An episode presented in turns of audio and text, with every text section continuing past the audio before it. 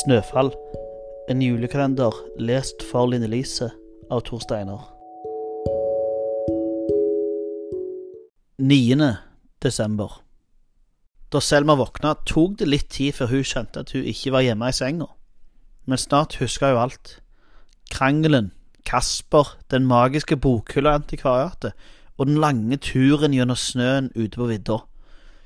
Selma hadde holdt på å gi opp flere ganger, men det var en stemme inni øret hennes som hjalp hun. En varm og trygg stemme som gjorde at hun visste at alt ville gå bra. Nå åpna hun øynene. Fargerike julelys blinka over henne. Hun var i en slags teppehule. Plutselig glei plystringa over i munter sang. Å, jammen er det godt å være meg. Og jammen er det godt å være deg. Og jammen er det godt å være, godt å være, godt å være. Jammen er det godt å være seg. Selma kjente igjen stemmen med en gang. Det var den samme stemmen hun hadde hørt mens hun gikk. Hun kikka ut av hula. Rommet var fullt av julepynt. Digre stabler med brev og masse, masse leker. Og det var glasskuler overalt. I det ene hjørnet av rommet var det et kjøkken, og der sto det en skjeggete mann og kastet pannekaker høyt opp i været. Den ene pannekaka festa seg i taket. Å ja, sa mannen og prøvde å finne ut hvordan han skulle få han ned. Det trengte han ikke lenger på, for plutselig så deisa han rett ned i ansiktet hans. Mannen lo. Selma lo òg, og da snudde mannen og så på henne. Selma! Du våkna akkurat tidsnok til frokost. Hvordan Hvordan vet du hva jeg heter? Det står i støvlene dine. Jeg heter Julius. Er du glad i pannekaker? Det var Selma. Det var bra at Selma var glad i pannekaker, for Julius hadde lagd altfor mye røre. Som vanlig, sa han. Heldigvis er jeg glad i pannekakekasting òg. Er du glad i pannekakekasting? Jeg vet ikke, jeg har aldri prøvd det, sa Selma. Da syns jeg du skal prøve, sammen med meg, sa Julius. Og så finner du ut eh, om du er glad i det eller ikke.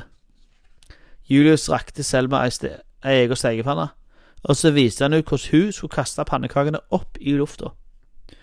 Du må bare være klar for å fange dem når de ramler ned igjen. Da kan du bruke den kjekke pannekakestekespadene, eller du kan bruke hodet. Det er smak og behag, men alt som går opp, kommer på et eller annet tidspunkt ned igjen, så, så det er ingen fare. Selma tenkte at dette ville aldri Ruth gå med på, men jeg har jo funnet ut at jeg liker å kaste pannekaker, sa hun høyt. Da lo Julius. Han lo en høy og morsom latter, så fikk Selma til å tenke på bruspulver og såpebobler og tyggegummi med jordbærsmak.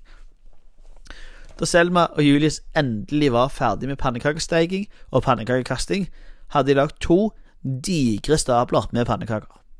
Julius måtte rådde unna flere kurver med julekuler for å få plass på spisebordet. Hva skal du med alle de kulene? spurte Selma. Julius smilte lurt.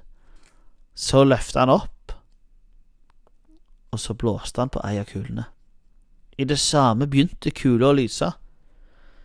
Når du skriver ønskebrev til jul, blir det en brevfugl som flyr av gårde og lander hos julenissen. Når julenissen har lest brevet, samler han opp all glede og gode lykkeønskninger han har, og blåser det inn i kula, så blir magisk. Noen ganger får du det du ønsker deg, og noen ganger får du rett og slett noe annet. På julaften tar julenissen med seg julekulene og sprer de ut over vår verden. Da går kulen i oppløsning, men det som er inni kula, sprer seg rundt, rundt oss som et usynlig støv og gjør at vi blir fylt med glede, håp og kjærlighet. Det er det vi kaller julemagi. Selma så på kulene på alle legene rundt seg, på brevene og på Julius' hvite skjegg. Betyr det at du er julenissen? spurte hun. Da lo Julius høyt. Jepsi pepsi, Satan. Velkommen til Snøfall.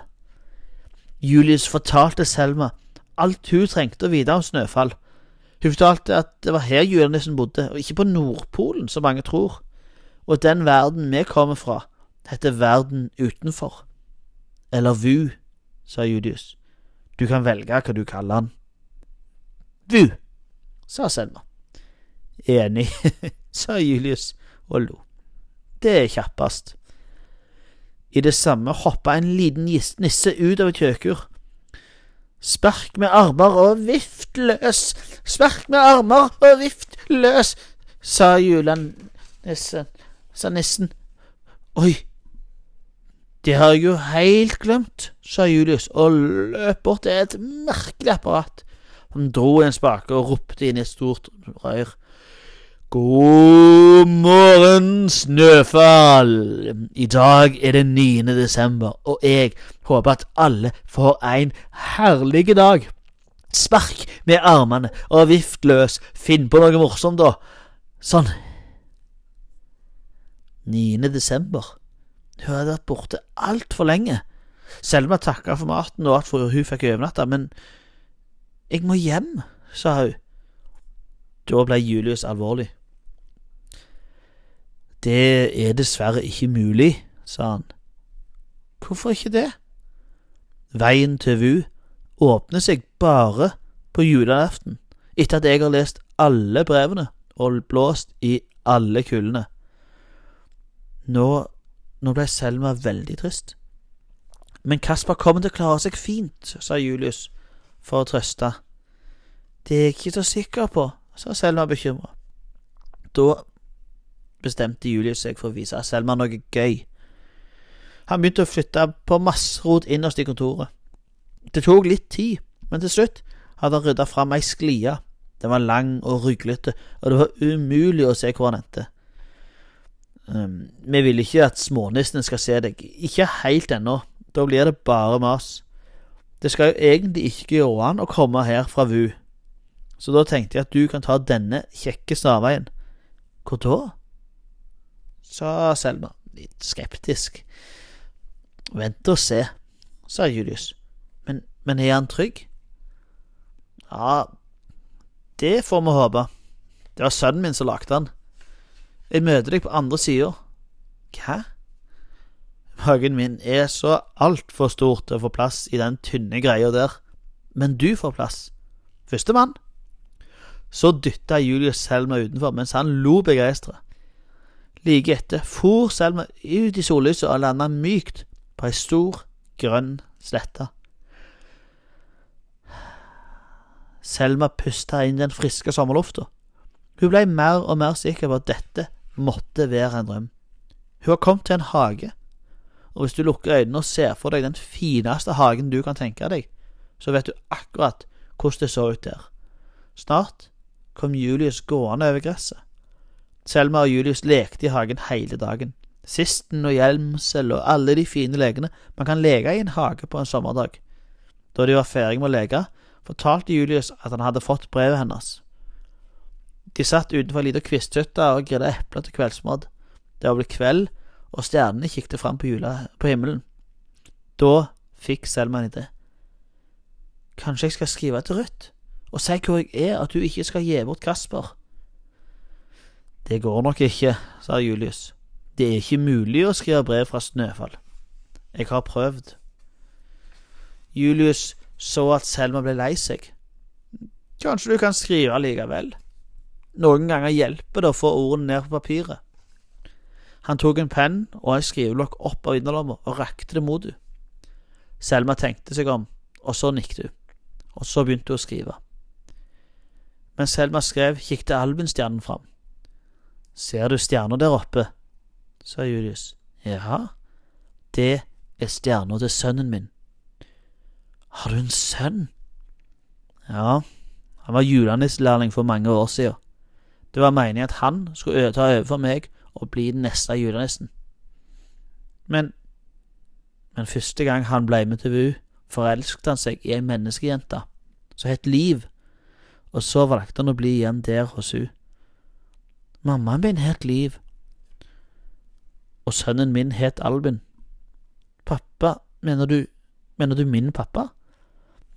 En nisse som reiser til VU, kan aldri ha kontakt med Snøfall igjen, men når en nisse dør, dukker det opp en ny stjerne på himmelen.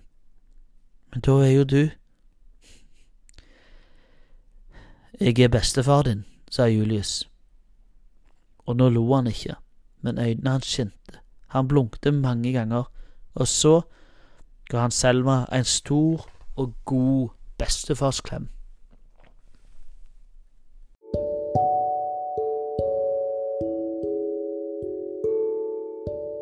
Følg med i morgen for neste episode.